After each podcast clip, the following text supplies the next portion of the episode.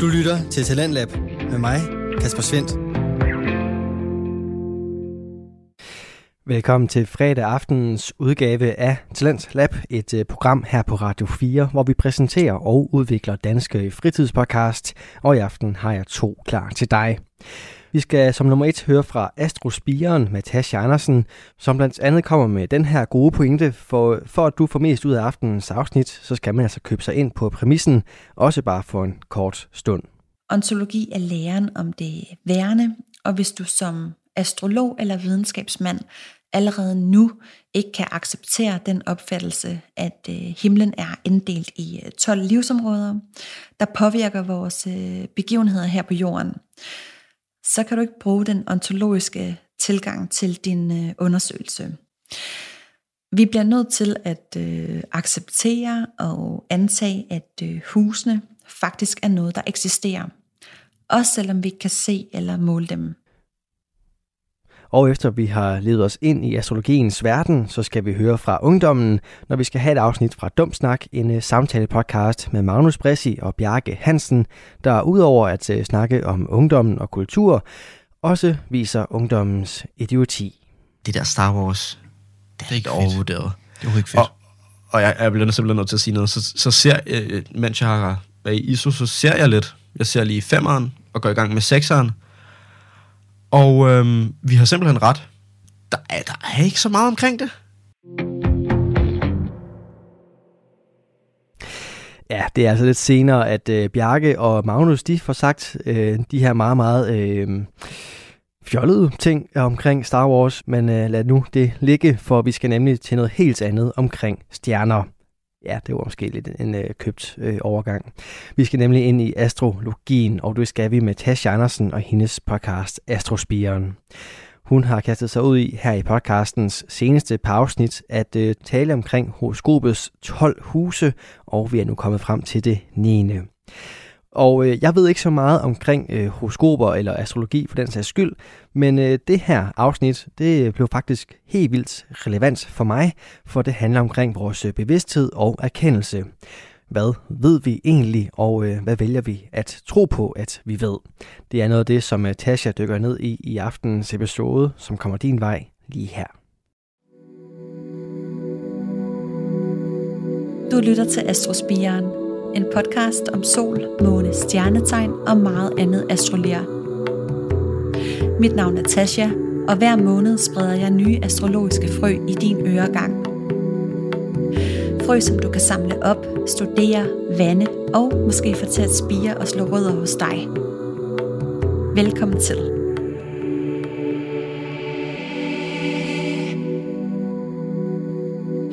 Hej med jer, og velkommen til. Øhm, og velkommen til de nye, der også er begyndt at lytte med. Det er mega fedt. Um, så blev det 2022, og jeg håber, I har haft et rigtig dejligt nytår og er kommet godt ind i det nye år med alle lemmerne i behold. Og af en eller anden grund, så er jeg kommet i sådan rigtigt øh, neptunsk forårsmut øh, lige for tiden. Jupiter er lige gået ind i øh, fiskens tegn, og der er det altså noget med at ture at drømme stort og lade kreativiteten og det sjælelige få lov til at fylde og flyde over med øhm, whatever, der bobler inde i dig lige nu. Den her transit, den handler også om en indre udvidet bevidsthed, og det, at vi alle sammen er hinandens brødre og søstre, uanset hvilken side vi har valgt at stå på i den her tid med rigtig meget splittelse, så er det altså nu, vi skal bryde igennem til den erkendelse, at hele jordens mennesker er et samlet væsen. Jeg håber i hvert fald, at vi med øh, den her transit, øh, altså Jupiter i fisken, der kommer til at præge rigtig meget af 22, øh, at vi kan forvente at se mere medfølelse og næstekærlighed og øh, unitedhed, hvis der er noget, der hedder det. Øhm, mere unitedhed i verden. Jeg har også hørt en anden teori om, at øh, vi i stedet for kan forvente at se flere smittede og større spredning. Øhm, Jupiter er en ekspansiv energi, og fiskens tegn er et øh, kollektivt tegn. Men øhm, fiskens tegn har også noget med sygdom at gøre. Så jeg håber i hvert fald på, at det bliver det første i stedet for. Så ja, det var lige en øh, mini-kosmisk øh, vejrudsigt herfra. Men i dag skal det handle om 9. hus, der korresponderer med skyttens stjernetegn, hvor planeten Jupiter, som vi lige har snakket om, den hersker. Og 9. hus er der, vi udvider vores øh, forståelse og bevidsthed. Så hvis den ikke allerede nu er udvidet, efter vi i sidste afsnit har været helt nede i dybet i 8. hus, øhm, så kan det godt være, at det er en øh, ommer. Vi skulle helst gerne komme ud på den anden side af 8. hus med en øh, dybere erkendelse af os selv. Der er selvfølgelig også altid den mulighed for at starte øh, forfra i 7. hus med en ny partner, øh, hvis ikke vi overlevede døden i 8. hus. Men hvis vi overlever og lader det dø, der skal dø, så kommer vi altså over i 9. hus med en ny livsanskuelse. Og 9. hus ligger over for 3. hus øh, på den akse, der hedder vidensaksen, øh, eller forståelsesaksen. I 3. hus, der opsamler vi viden, og i 9. hus, der forstår vi og kender den viden, vi har opsamlet. På en måde så finder der en øh, parallel udvikling sted mellem 3. hus og 9. hus. I 3. hus, der udvikler vi os øh, kontinuerligt og hele tiden, og i 9. hus, der udvikler vi os i øh, spring. Øhm, I tredje hus, der krydser mennesker og nyheder og informationer vores vej hver dag. Og vi bliver hver dag udsat for nye idéer og tanker, der flyder ind og ud af vores øh, digitale og sociale medier. Og vi holder os også opdateret og orienteret på, hvad der sker indeni og uden for vores øh, egen myretue. Og som en øh, svamp, der suger vi en masse viden til os. Og på et eller andet tidspunkt, så sker der det i øh, 9. hus, at vi har ophobet, samlet og suget så meget viden til os, at der sker et øh, kvantespring i vores øh, bevidsthed. Mætningen af information og viden i øh, tredje hus, den bliver så tæt, at den øh, udkrystalliserer sig til en ny erkendelse og forståelse af den verden, vi selv er en del af. Så i 9. hus, der kommer forståelsen altså på. Og ud fra det her kæmpe videnskar i øh, tredje hus, der er mættet med øh, bøger og studier og nyheder og presse og så videre, øhm, der udkrystalliserer al den her viden sig til en samtidsforståelse. Og på den måde foregår der en øh, krydskobling mellem tredje og 9. hus. Og jeg har jo lige fortalt det her med, at øhm, 9. hus er skyttens livsområde, øh, og Jupiter hersker over skytten. Og jeg skal nok forklare det her med øh, herskaber i et øh, andet afsnit, øhm, som kommer til at handle om øh, urhoroskopet. For det kan godt være sådan lidt sort skyttesnak, hvis ikke man øh, kender til det. Men øh, i hvert fald, Jupiter hersker over skytten øh, i 9. hus, men i 3. hus, der er tvillingens livsområde øh, der hersker Merkur over tvillingen. Og hvis man nu gerne vil øh, uddanne sig til øh, astrolog, så er det rigtig godt at have et øh, aspekt både fra Merkur, der er vores øh, studieegnethed, og Jupiter, der er vores øh, forståelse. Og så over til Uranus, der er planeten for astrologi. Øhm, altså at der er aspekter fra Uranus over til øh, Jupiter og over til Merkur, altså til begge to. Fordi så er man nemlig i stand til både at øh, studere astrologi med øh, sit øh, Merkur-Uranus-aspekt, og forstå astrologien i et øh, større perspektiv med sit Jupiter-Uranus-aspekt.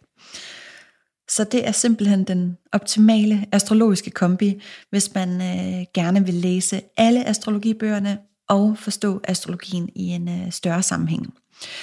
Og det kan selvfølgelig ikke stilles øh, så enkelt op, men øhm, I forstår, hvad jeg mener. right.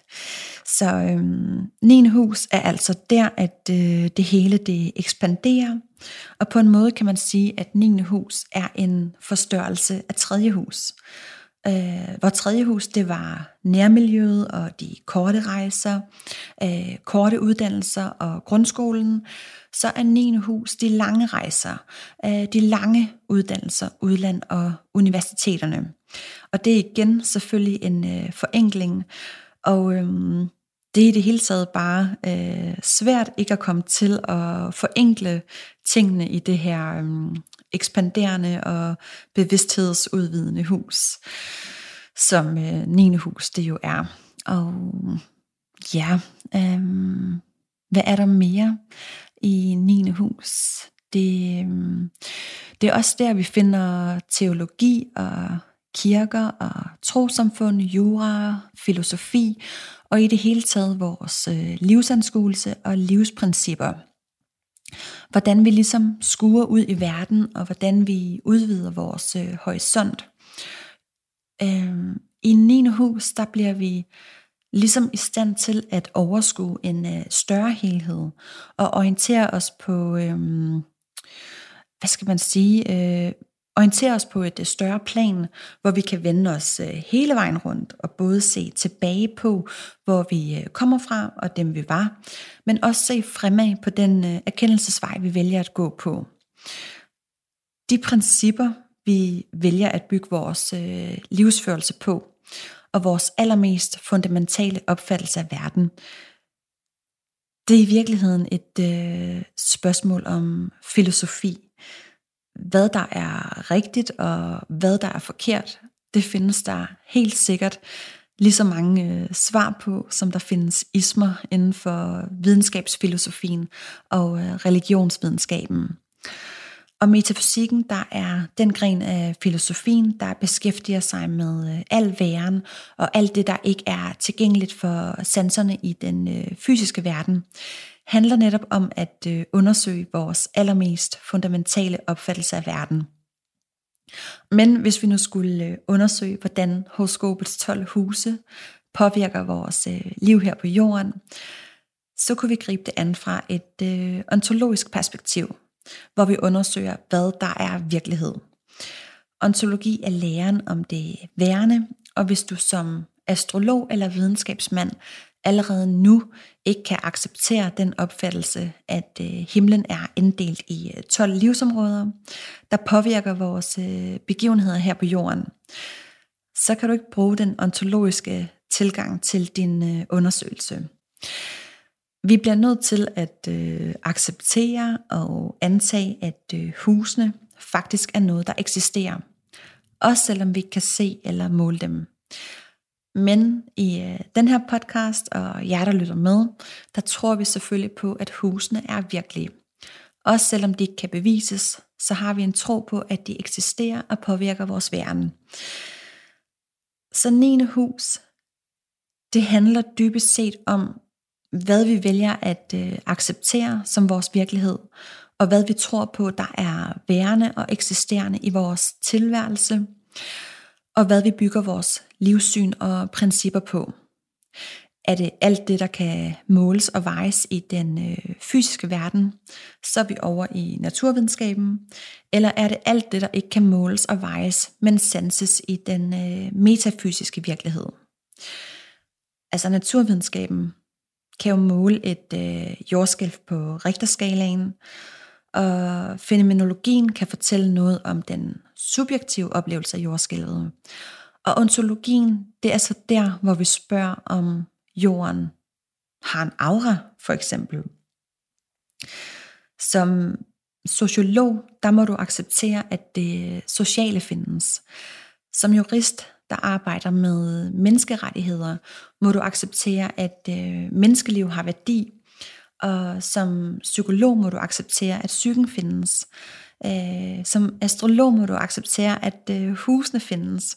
Og som troende eller spirituel må du acceptere, at sjælen, energien, Gud eller hvad det nu kan være, øh, at det findes.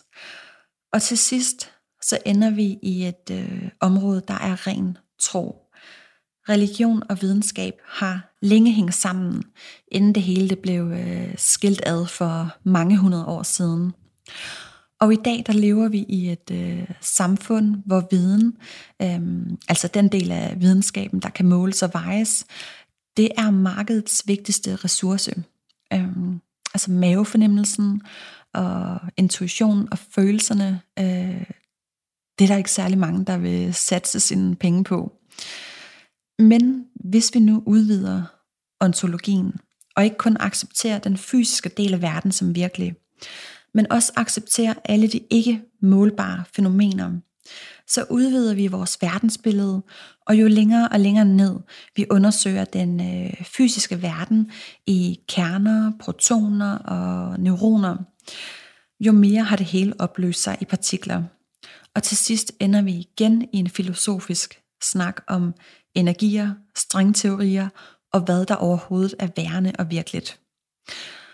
Og jo dybere videnskaben graver, og jo længere ned vi undersøger øh, tingene på øh, partikelniveau og udvider vores erkendelsesområde, jo mere påvirker det også vores egen tro på, hvad der er værende og eksisterende i verden. Og vi skal ikke særlig langt tilbage, før vi gik rundt og troede, at jorden var centrum i universet, og man blev udpeget som øh, kætter af kirken og hængt, hvis man påstod noget andet. Så på den måde er videnskab og tro altså to sider af samme mønt.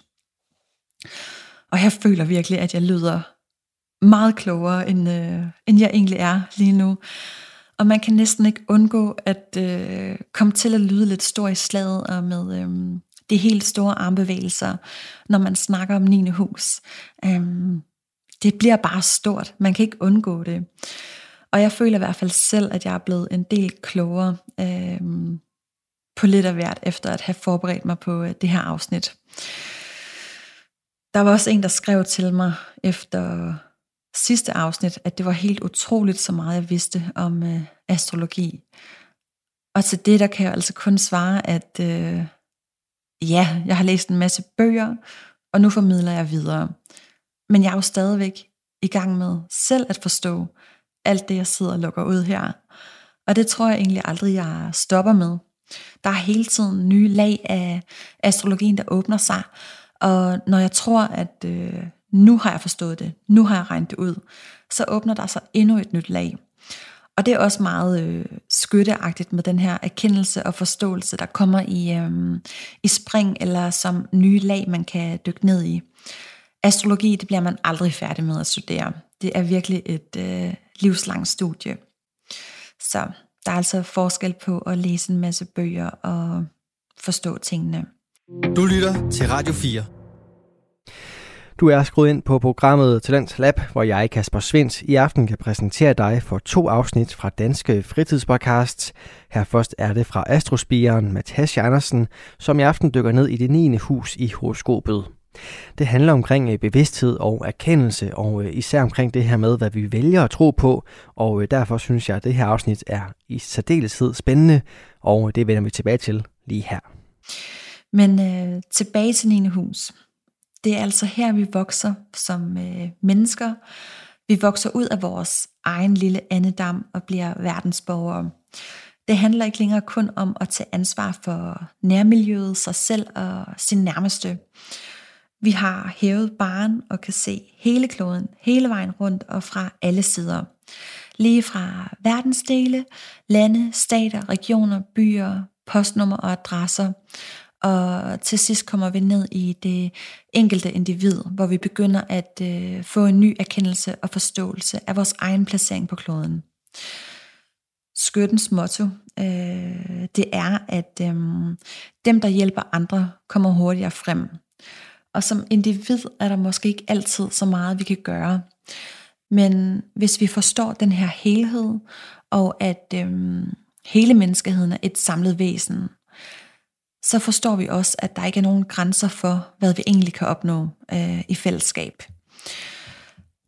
På et psykologisk plan, øh, der handler 9. hus om den ydre personlige rejse, og om at finde sin øh, livsanskuelse og livsprincipper og plads i verden inden for en tro, filosofi eller lærdom i det etablerede samfund. I 9. hus, der bygger vi vores livsanskuelse på noget, der, der allerede er. Altså en tro eller lærdom, der allerede er etableret, grundlagt og skrevet ned. Øhm, som for eksempel en videnskabsteori eller vidensfilosofi som øh, ontologien, øh, eller en trosretning som øh, buddhismen. Øh, jeg ved faktisk ikke, om buddhismen er en religion eller filosofi. Det må jeg lige finde ud af. Men alt efter hvem vi er, så bygger vi vores øh, livssyn og principper på noget, der allerede er. Det er altså først over i øh, vandmandstegn i 11. hus, at vi kommer op med øh, helt nye og øh, ekscentriske systemer, ideologier og, øh, og retninger. Men i 9. hus på et psykologisk plan er det en ydre udviklingsrejse at tro på noget, der allerede er.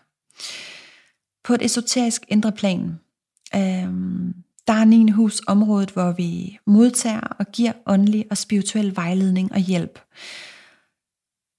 Vi har nået et øh, endnu dybere perspektiv, hvor vores erkendelse går endnu dybere end de rent intellektuelle overvejelser og øh, allerede etablerede lærdommen. Og det bliver i højere grad et øh, spørgsmål om at øh, følge sin intuition og hvad der føles rigtigt, end at hænge fast i øhm, en eller anden dogmetro. Og på den måde bliver 9. hus området, hvor vi selv kan blive åndelige vejledere for andre og vi går fra et ydre personligt plan, hvor vi bygger vores øh, livsanskuelse på etableret lærdommen, og så til et indre plan, hvor vi følger vores intuition og selv bliver den, der giver andre den åndelige hjælp, de har brug for. Og i stedet for øh, planeter i 9. hus, så lad os prøve at tage 9. huspis i, øhm, i tegn. Øhm, har man 9. huspis i øh, vædren, der er et øh, ildtegn, så er man en enspænder, der vil tage en livsanskuelse til sig, hvor man selv har dannet sig sin helt egen øh, uafhængige opfattelse af, hvordan det hele det hænger sammen. Ofte så vil man også være pioneren, der træder nye stier og går sin egen vej.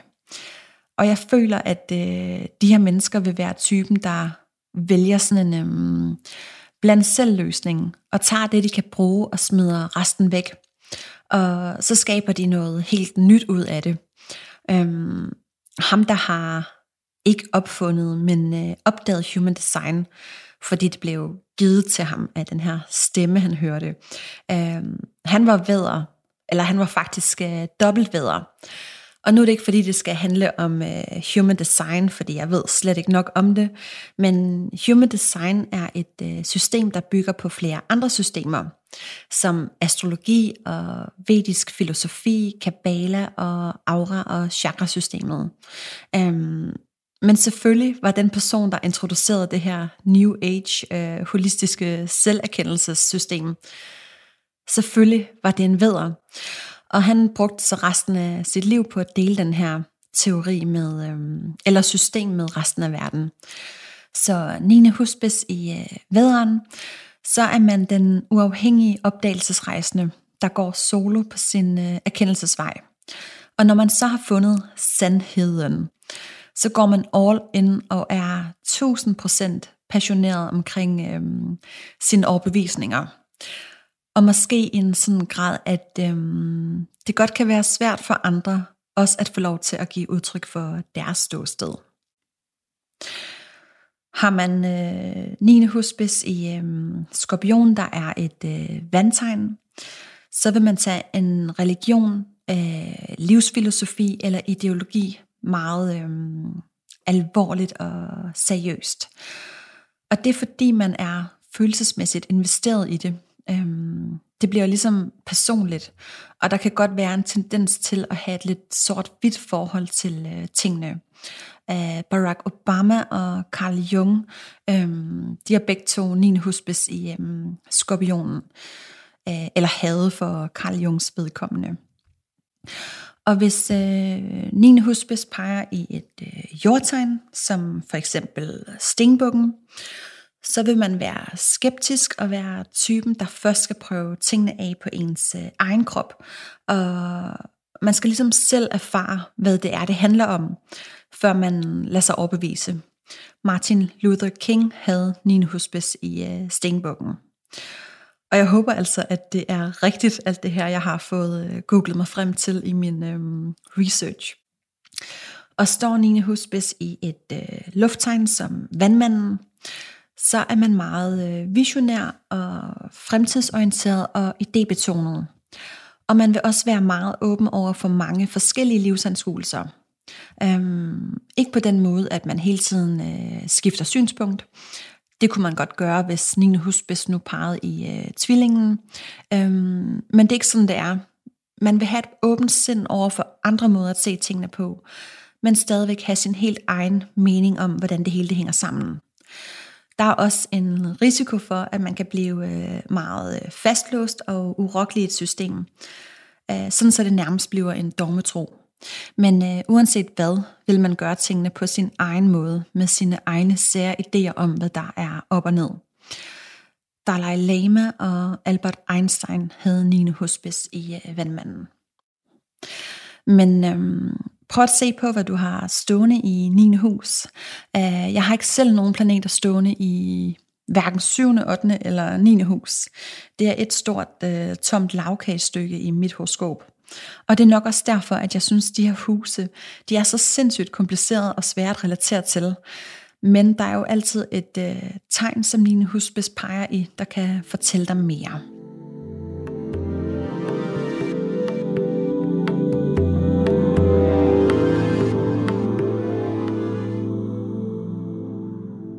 Nu har vi været igennem 7., 8. og 9. hus, der udgør tredje kvadrant. Øhm, 8. hus og 7. hus har jeg gennemgået i de to øh, sidste afsnit, og så har jeg selvfølgelig gennemgået 9. hus i dag. Og øhm, tredje kvadrant, det er det øverste højre hjørne af horoskopet. Og med en overvægt af planeter i tredje kvadrant, så skal du ud. Du skal ud i det pulserende, voksne samfundsliv. Øhm, ud og involvere dig og være sammen med mennesker og gøre en forskel. Og der var noget andet, jeg også lagde mærke til i øh, gennemgangen af husene her i tredje kvadrant. Og det var, at jeg ikke længere kunne drage paralleller til øh, dyreverdenen og komme med lige så mange eksempler fra mit eget liv, som jeg ellers har gjort meget i det afsnit, der handlede om øh, horoskopets første seks huse i natbogen. Men når vi kommer op i dagbogen, øhm, og det gør vi jo så i syvende hus ved descendanten, så er det bare ikke længere lige så primitivt. Og det er fordi, at tredje kvadrant, det handler rigtig meget om øh, voksenlivet. Og der er altså bare ikke øh, så meget øh, discovery over den her del af horoskopet. Det handler mere om at øh, manifestere på en måde, så det lander ude i samfundet. Øhm, I tredje kvadrant, der har vi mulighed for med vores øh, handlinger, tanker og bevidsthed at øh, påvirke vores øh, samfundstid og medmennesker.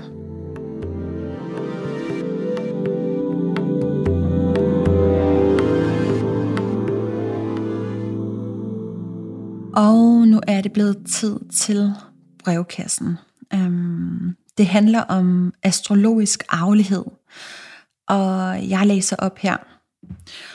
Hej Astrospiren, tak for en skøn podcast med super spændende indhold. Thank you. Um, jeg har et spørgsmål angående arvelighed i astrologi. Jeg synes nemlig, det ser ud til, at mange har arvet et tegn eller to fra deres forældre. Jeg er for eksempel selv tyr i soltegn, som min far er i månetegn. Min bror er tvilling i soltegn, som min mor er i ascendant, og jeg selv er skorpion i ascendant, som begge mine forældre er i soltegn. Derudover er der flere tegn, som går igen på tværs af familien, og flere tegn, som ingen af os har placeringer i. Jeg har bemærket samme tendens hos flere af mine venner og bekendte. Kan der måske være noget om snakken, eller er det blot tilfældigheder? Og det korte svar på det, det er nej, det er ikke tilfældigheder, og ja, der er noget om snakken. Øhm, det var ligesom det korte svar. Og jeg tænker, du gerne vil have et lidt længere svar. Og så vil jeg egentlig også bare lige sige, at øhm, hvor er det skarpt, at du har bemærket de her mønstre og temaer på tværs af både din øhm, families og venners horoskoper. Det, øhm, det synes jeg er ret sejt. Det kunne være, at du skulle overveje et øh, astrologistudie. Øhm, i astrologi kan man tyde for noget, der hedder synastri, altså hvor man ser på, hvor kompatible to horoskoper er, hvis det er parhoroskoper. Og så kan man så se på forskellige punkter og sige noget om øh, udfordringer og potentialer og øh, om deres fælles udviklingsvej. Men det har jo ikke så meget med aflighed at gøre. Det er jo først, øh, når og hvis de her to mennesker vælger at få et barn sammen, så kommer der et tredje horoskop ud af det. Og vi er jo alle sammen børn af nogen. Og der er det faktisk muligt at se i det enkelte horoskop, hvad man har arvet fra øh, sin mor eller sin far eller begge forældre. Og både sådan øhm, rent genetisk, hvem man øh, ligner mest, men også hvilke egenskaber og kvaliteter og familiemønstre, der rent øh, karmisk er blevet nedarvet i horoskopet. Og øh, det er den del, der hedder familiesynastri. Og man kan faktisk se rigtig langt tilbage. Altså hvis man tror på tidligere liv, så kan man også se, hvilke temaer og problematikker, der har fyldt, og så begynde at hele nogle af de, øh, de gamle sår fra tidligere. Og det er blandt andet øh, måneknuderne og Chiron eller Chiron, man øh, kigger på der. Så der ligger rigtig meget udvikling i at blive øh, bevidst om ens øh, familiekarma og de ubevidste mønstre, der ligger der.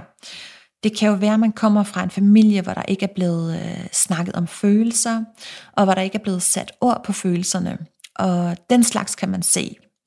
Og man kan også se, om ens forældre har haft nogle evner, som de ikke har formået at bruge.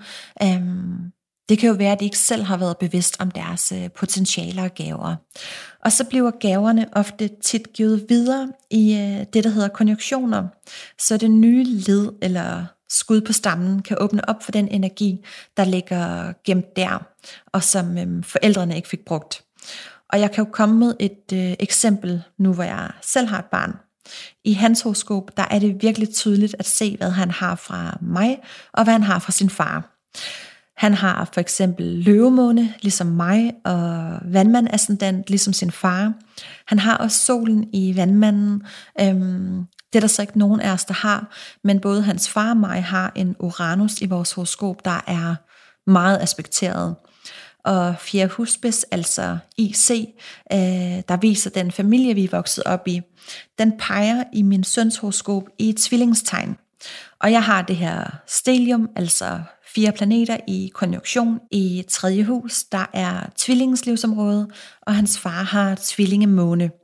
Og øhm, vi har i det hele taget et meget øh, tvillingepræget hjem. Vi bor på fjerde sal, helt op i de høje luftlag, og lejligheden den ruder konstant med øhm, alverdens elektronik og computer og mikrofoner og en masse bøger inden for både øh, astrologi og det alternative område. Så det er et meget tvillingeagtigt og øhm, uranisk eller uransk hjem, og min søn han har også Uranus stående i fjerde hus. Og så har han MC, altså 10. husbes i skytten, ligesom sin far. Og jeg har så Saturn stående i skytten. Øhm, men prøv at se på, i hvilket tegn fjerde husbes peger i hos øh, dig og din bror, og om I måske har planeter stående i fjerde hus.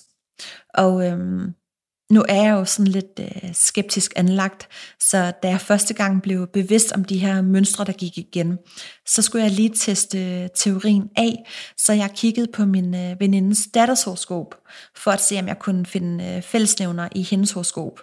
Altså i øh, datterens horoskop i forhold til mit eget. Og det kunne jeg bare ikke. Altså, det var et helt andet horoskop, og der var slet ikke det samme øh, mønstre og ting, der gik igen. Øhm, og selvom hendes datter og min søn kun er født med øh, to dages mellemrum, så var det vidt forskelligt, og øh, der var meget mere øh, sådan tyr og løve i hendes horoskop, ligesom der er i hendes mors, hvor der er mere sådan tvilling og vandmand i øh, mig og min kærestes og søns horoskop. Så der er altså noget om snakken.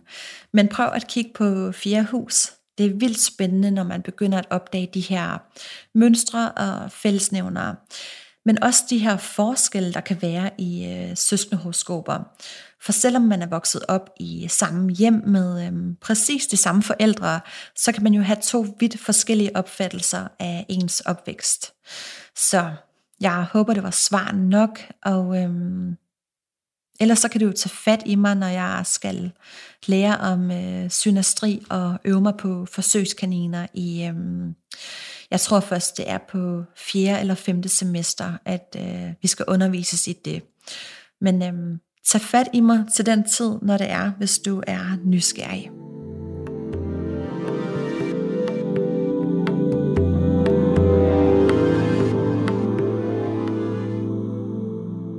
så har jeg ikke mere på programmet for i dag. Det blev et øh, lidt længere afsnit, og nu vil jeg simpelthen skynde mig at komme i gang med at øh, redigere det og få det ud til jer. Har I spørgsmål til, øhm, til jeres eget horoskop eller andre astrologiske spørgsmål, så kan I sende dem på den mail, der hedder astrospiren gmail.com. Øhm, I kan også skrive til mig på min øhm, Instagram, som hedder snablag astrospiren.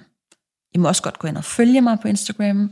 Jeg er ikke øh, super aktiv. Jeg er mega dårlig til at, øh, at vedligeholde mine sociale medier. Men øh, i hvert fald, jeg lægger noget op en gang imellem på min Instagram. Og så have det rigtig dejligt, og øhm, håber I alle sammen er kommet rigtig godt ind i 2022, og at I finder næste kærligheden frem med den her Jupiter transit i øh, fiskene. Ha' det dejligt, og så ses vi igen om en lille uges tid, hvor det skal handle om 10. hus. Tusind tak til dig, fordi du havde lyst til at lytte med. Er du blevet nysgerrig på noget af det, som jeg har snakket om i dag? Eller har du andre astrologiske spørgsmål? Så skriv endelig til mig. Og kan du lide, hvad du hører, så drys os gerne lidt øh, stjernestøv eller giv et like. På genlyt i næste afsnit.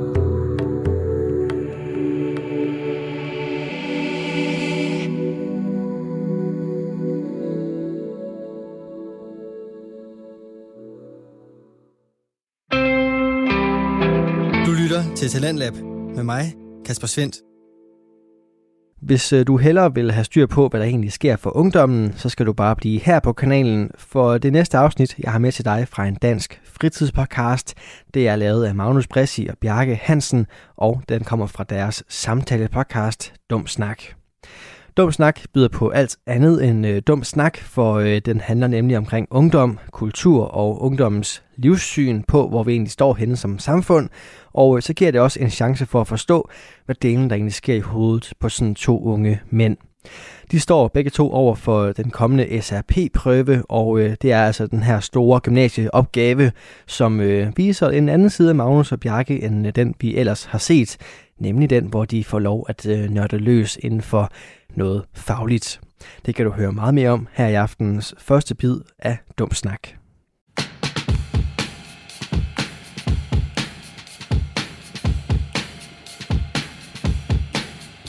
Hej, velkommen til Dumsnak. Mit navn er Magnus Brasse. Jeg sidder over for Bjarke Hansen. Det her det er Dumsnak. Det er vores samtale-podcast om ungdomskultur, idræt og musik.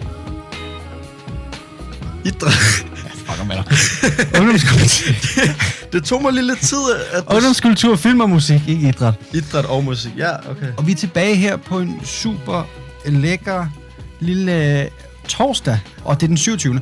Og, og vi vil lige starte af med at sige, øh, vi har sgu ikke været her endnu en gang. Og, og nu er der en stor fed grund til det, og Men, det er jo fordi, at, at Bjarke og jeg, vi, mm. vi snakkede om sidste gang, det der med, hvis nu alle bare lige, hvis nu fjernet restriktionerne, så kunne man komme ud og blive immun. Og du ved, vi er lidt nogle spokkoner, fordi det må nu sige. siger Mette, hvor vi fjerner restriktionerne, og vi tog lige forholdet og fik begge to lige Rona. Det kan man sige. Altså, var det så længe siden vi sidst optog egentlig? Det var da i sidste uge, så vi er ikke helt bagud. Nej, det er også slutningen af ugen, den her, ikke? Kender jeg dig ret, så kommer den først ud næste uge. Det kan man sige. Mandag. Det er rimeligt. Men hey, lad mig, lad, mig, lad mig lige finde tid til at redigere. Det er i orden. Det er rimeligt. Så øh, ja, vi, vi ligger simpelthen inde med noget, med noget, med noget ISO, begge to. Øhm, og jeg er simpelthen pivsnottet. Det er også pisse Der bliver jeg nødt til at sige. Pisse ulækkert, når man ja. sidder og, og har en mikrofon stukket helt op i næsen. Men det er der, vi er.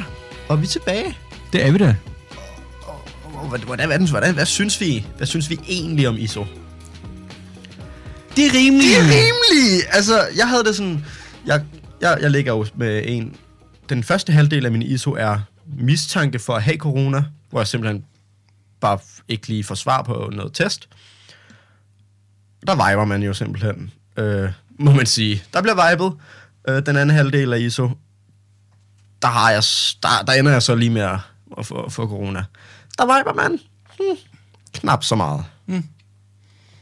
Var du syg? Nej. Dårlig? Ikke, ikke. Jeg var ikke sådan der... Jeg var ikke...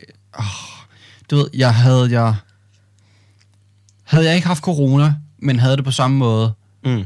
så havde jeg nok taget skole. Mm. Så så dårligt havde jeg det ikke. Mest fordi jeg ikke skal have fravær. Men nu var det corona, og jeg ville ikke rende rundt og smide, smitte folk. Mm. Så det lå jeg være med. Ja, nej, jeg ved ikke. Jeg var, også- der var lige en dag, hvor jeg var sådan bare i hovedet. Jeg simpelthen ikke, ikke energi til noget som Nej, helst. Jeg føler egentlig også, det man hører meget. Folk Tung i bare været trætte. Ja. Ja. ja, tung i hovedet. Måske noget i halsen eller noget. Ja. Det var, det var vidderligt der, vi var. Ja. Øhm, men man kan jo sige, hvis vaccinen ikke havde været øh, en chip ind i skulderen og 5G, så kunne det være, at man slet ikke var blevet syg. Det er rigtigt. Så, øh, så det kunne være, at, at Bill Gates han skulle altså, tage sig sammen. I Fuldstændig. stedet for bare at prøve at, at, at fjernstyre os alle sammen. Fuldstændig. Tænker jeg var. Ja, men du har ret. Tak. Ja. Jeg er glad for, at du siger. Det er godt. Godt. Og i den forbindelse, så kan vi jo sige, at det ved alle jo godt, at fra den 1. februar, der fjernes alle restriktioner, og jeg forstår det ikke. Fordi, Det gør du ikke. Nej, fordi vi har lige haft det super godt, og du ved, vi tænkte, vi er færdige med corona. Mhm. Mm-hmm. Det var vi overbevist om. Så siger hun, ah, det er samfundskritisk igen, og folk øh, bliver bla bla bla.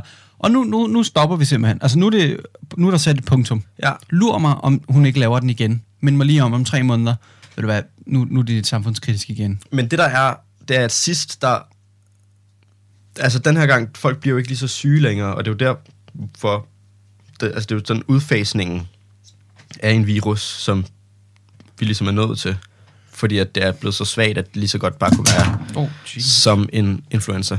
Men omikron, eller om, omikron, Ja. ja. eller, den er jo også lidt slem i det. Nej, ikke øh, i forhold til at være syg. Den smitter bare meget. Okay. Øhm, og så kan man jo så sige, jeg så lige 50.000 smittede i dag alene. Mm. Øhm, det er ret mange mennesker. Hvis, altså hvis, Nej, det er ikke 50.000 om dagen, vel? Jo, der var 50.000 i dag, der er blevet smittet. Siden man målte i går, og i går var det 46. Det er så mange om dagen. Men det er jo en, det giver jo ikke nogen mening. Det er jo sådan en procent af, af Danmarks befolkning. Det er en procent af Danmarks befolkning. Det er rigtigt, Magnus. Det, det kan jo ikke være rigtigt, at der er en procent om dagen, der får corona. Når du mener 1 procent. Ja. Jeg tror bare, du mente en eller anden procent. Nå, Det er jo en procent. Ja, Idiot. det er en procent. er det ikke det? Så vi tager Jo. 50.000. Jo, 50.000, 5 millioner. Jeg ved det ikke, men det er mange mennesker. Men det er rigtigt. Det er det. Det er jo, det er jo darter. Men det er det ikke. Hold da kæft. Hvorfor er det, du ikke tror på det? Fordi jeg tænkte måske, at det var sådan... Lige nu er folk, at der er 50.000 i isolation, Mm-mm. kunne jeg tænke mig til. Altså, fra i, altså, i dag er der 50.000, der er blevet testet positive. Har der mange, der har taget en test i dag? Hold kæft, hvor er der mange tests, der ruller ud, altså. Fuldstændig. God damn. Men øh, ja, som, som, som du siger, så lugter det simpelthen lidt af, at vi er færdige med det. Hvor blev du testet henne, PCR? Ude i ude på Sand, Sandalsvej? Ja, hedder det det? Sandvadsvej, Ude ved Kønord. Ja. Ja. Der rullede jeg lige ud Mm. og sagde, La Corale. Ja. Øhm, og det, øh, jeg troede jo simpelthen, at jeg skulle ud og stå i kø i to timer. Jeg gik direkte ind. Hun Fuldstændig. siger, hallo? Og så siger jeg, hvad så? Så siger hun, Salam. og så siger hun, er du syg? Og sådan, nej, bros. Og så stikker hun mig med halsen, og siger hun, ah, og jeg sagde, ah, så siger hun, ej, hvor du god. Og Ja. ja. så gik jeg. Og det var så nemt. Luksus. 30 sekunder. Jeg ender med at stå tilbage ind i boksen og være sådan der, Er vi færdige? mangler vi noget? Jeg spørger eller? altid. Ja. Ja. Det er det eneste, jeg altid spørger sådan der. Var det det? Er der, er der mere? Ja. Er det det? Er det alt? Ja, ja, nå, okay, ja, men så, øh, så ses vi. Ja. For det værste er jo også at bare gå, og så, Og så sådan, hvad fanden laver kom du? tilbage. Ja, jeg er ikke lige helt færdig. Dum idiot. Men det gjorde jeg også øh, til alle mine stik. Der gik du bare. Nej, der sagde jeg sgu da, er det, er det alt? Nå, Fordi ja. de stikker dig armen, Ja, og det så er går de så sådan der- stærkt. Så er de sådan der, Ja. så? Og så siger jeg, hvad, hvad, hvad, så? Hvad, det var det var det. Hvad var det? Så- Antibiotika, nu skal du stikke mig rigtigt, eller hvad? Øh, kan, kan bare gå nu, eller? Ja, så kan jeg få et plaster, eller hvad skal der? Andet nyt. Vi, øhm, nyt og nyt, nyt for os. Jeg har simpelthen været nede og hente lidt SRP-bøger i dag. Uh. Og øh, der, der går jeg hen og bliver ked af det, ja. Ja. jeg sige. Fordi øh, der er jo simpelthen en halvanden måned, til vi skal begynde at skrive. Der var simpelthen to måneder til, vi har afleveret. Har afleveret. Og øh, det har jeg ikke lyst til. Altså, det har jeg virkelig ikke. Nej. Det har jeg simpelthen ikke overhovedet ikke lyst til. Nej. Og det er, jo, det er jo den her kæmpe store opgave i 3.G, som ingen har lyst til at lave. Og det er så det, vi skal til. Bøger, hmm, lånt. Syv styks. What? Oh god. Altså bare om teori, eller sådan der. Ja. Og i den forbindelse, der skal vi også lige sige skud til Brepsi. El Brepsi! El Brepsi. Uh, vores, uh, Eh, vores hermano de la biblioteca. bibliotekaren på gym. Uh, manden, han er så varm. Og uh, Alle elsker El det, Preps. det, det, det, vi simpelthen, vi, vi løber lige ned og siger, El Preps, kan vi ikke lige låne bøger her om der? Og så, øhm, så jeg skal have noget om, om Churchill og sådan noget fis. Og så siger jeg, jamen har du noget om, om ham? Og så siger han, jo, men du kunne jo også tage fat i Churchills egne bøger om 2. verdenskrig. Så siger jeg, ja, okay. Så viser han mig, at der er seks bind, Mm. og de er bare tykke Ja, en 400 sider. stykket. Ja. ja. Seks bind, og så siger jeg, det bliver måske også lidt tungt. øh, det kunne han godt forstå. Ja. Så han fandt mig en på, på 200 i sig selv. Eller sådan, ikke? Så sagde jeg, okay, tak skal du have.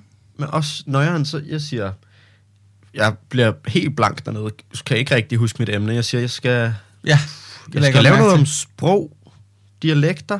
Har du noget? Så siger han, jeg ved ikke lige, om jeg har så meget. Sådan, den er ikke, det er ikke sådan det mest populære emne. Og sådan. Så har han bare syv så bøger er til bare det. syv bøger, og alle de andre, der også stod der, som jeg ikke lige skulle have med. Ja, ja. Så bare kommer jeg, jamen så har jeg også den her, så har jeg lige den her, sådan her. Prøv at tænke bare at have hele biblioteket i sin hjerne. Bare sådan, Ja, ja. han må altså mere eller mindre vide alle bøgerne, der er ja, der. ja. Vanvittigt. Og, ja, og apropos øh, Churchills seks bind på, på 2. Mm. verdenskrig, så vandt han også øh, en Nobels. Ja. Øh, hvad hedder det? Var det fredspris eller litteratur? Det må være litteraturprisen. Ja. For de bøger der. Sindssygt. Vanvittigt. Jeg ved, hvor mange, der har skulle læse dem for at, at sige, at okay, han får mm. en pris for dem. De har nok bare tænkt, hmm, ja, det opsummerer egentlig ret godt, hvad der skete. Alligevel. Det er en pris. Meget, meget god kilde, Ja. det her.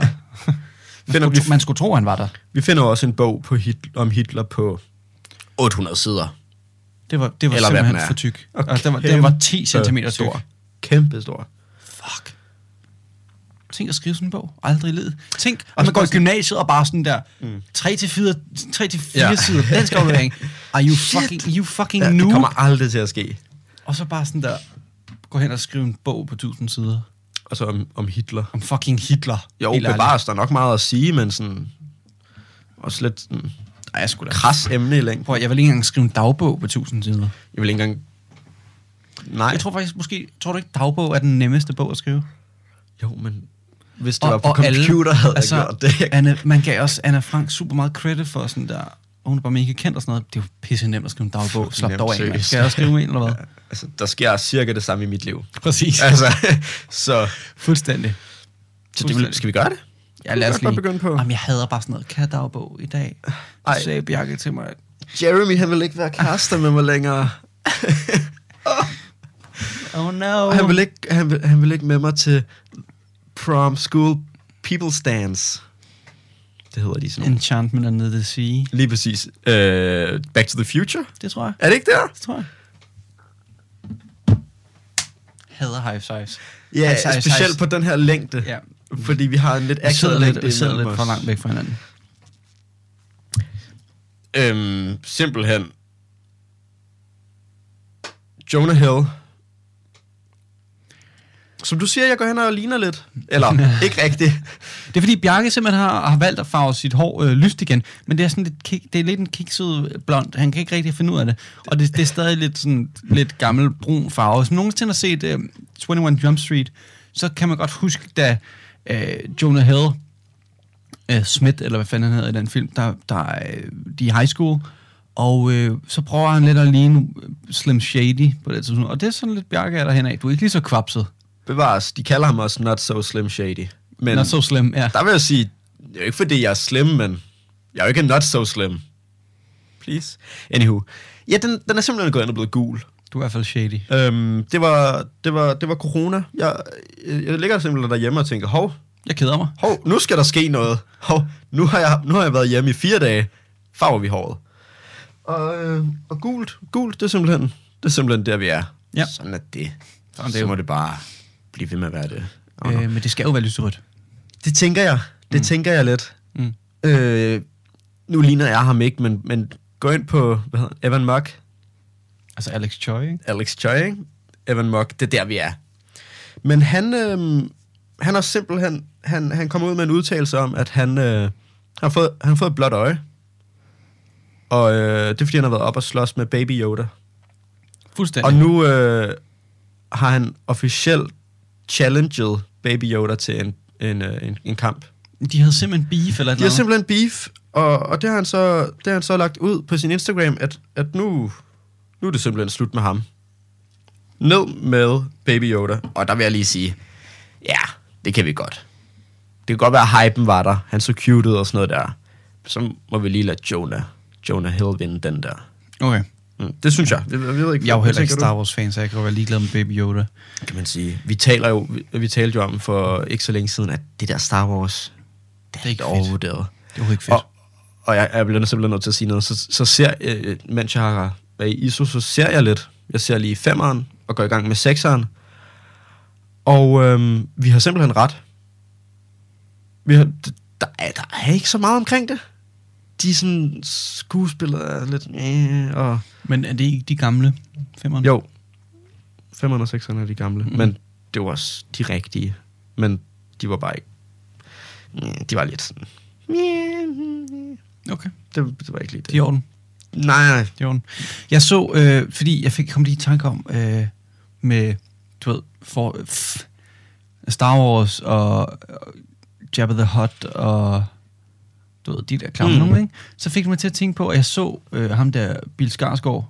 Ja, Har du set hans kostume til Dune? ja. Den der fede en. Mm. Den så, det så jeg billeder af i dag. Fuck, hvor må det være varmt at have sådan en stor, fed Altså det den dragt der på. jakkeagtige, han, Han har sådan en tyk dragt på. Ja. Ja, Uhyrligt ulækkert. og man kan så også sige, at han har også en fed dragt og altså sindssygt meget makeup på. Det var det, jeg mente. Fed Nå, dragten. okay. Jeg troede, jeg troede du mente sådan en dragt, han havde på ud over det. Nå, nej, nej. Ja, det må være varmt, det Ja. må man sige. Også en syg, syg film. Og, og i den forbindelse med at have sådan en stor, klam, tyk, fed dragt på. Mm. Hvis man har set, øh, og det har man, mm. Harry Potter. Mm, det har man. I alle filmene, jeg vil bare lige sige til dem, der troede, at Hagrid er 4 meter høj. Mm. Det er han ikke. Nej. Han er måske, skuespilleren er måske max 1,85 eller sådan noget. Jeg aner ikke lige, hvor høj han er. Han er I højere. alle filmene er det en dukke, de bruger. Når der er holdshot billeder af Hagrid, der går sammen med de Så- andre, det er en dukke. Er der et menneske indeni? Ja, ja. Ja, okay. Er det Der er, ham, en, der er indeni? der er en, sku, nej, der er Nej. en skuespiller inde i, øh, som så har den her dukke på, og de har så sådan et vandomløb inde i den der, sådan så der hele tiden kører koldt vand rundt, øh, sådan så han ikke overopheder inde i den der. Ja. Øh, og du ved, sådan tissepause må virkelig også være Ja. noget krasse noget. Øhm, Men altså, øh, det må man så give Star Wars. Altså, alle de gamle, nu ved ikke, hvordan det er med de nye, men det er jo, det er jo sådan dukker, øh, de der monstre, eller hvad man siger, de er med. Ja. Øh, og jeg så lige præcis på Jabba the Hutt, sådan den dukke der, der var tre mennesker til at føre den, fordi den er så stor, og halen skulle bevæge sig og sådan noget. Det synes ja. jeg er ret cool. Mhm. Det vidste jeg faktisk ikke, at det var... Nej. Øh, altså, jeg vidste godt, at han ikke var fire meter, men, men jeg tænkte bare, Nå, de har bare manipuleret et eller andet. ja, ja. Ja. Og, men det havde de så må også, ikke? sige. fordi de Ja. skyder det også på den måde, sådan så når, når Hagrid ligesom har noget at sige, så skyder de det ofte sådan lidt nedefra, Ja. sådan, så han sådan ser stor ud. Ja. Øhm, men man kan godt, hvis man prøver at lægge mærke til det, hvis man ser filmen og tænker, okay, det er en dukke hver gang, jeg ser ham gå ved siden af nogle andre normale mennesker, mm. Så kan du godt se det. Men hvis okay. Man ikke ved det, så lægger man ikke mærke til det. Sygt, det skal jeg lige prøve at lægge mærke til. Mhm. Jeg har jo lidt tænkt, om jeg skal begynde at se det igen. For jeg, så, Altså, jeg har jo lyst til at se dem alle sammen en gang det er jo det, men du har jo lige set Jeg har lige set dem. dem. Jeg har også lige set dem. Radio 4 taler med Danmark. Vi vender tilbage til Dum Snak i time 2 af aftenens program, og øh, det er altså en samtale-podcast lavet af de to unge mænd, Magnus Bressi og Bjarke Hansen, som øh, er studerende ved Køge Gymnasium. Mit navn er Kasper Svens, og jeg vender altså tilbage i podcast-universet efter dagens sidste nyheder, som kommer fra Radio 4's egen ungdomsekspert. Hør bare med her.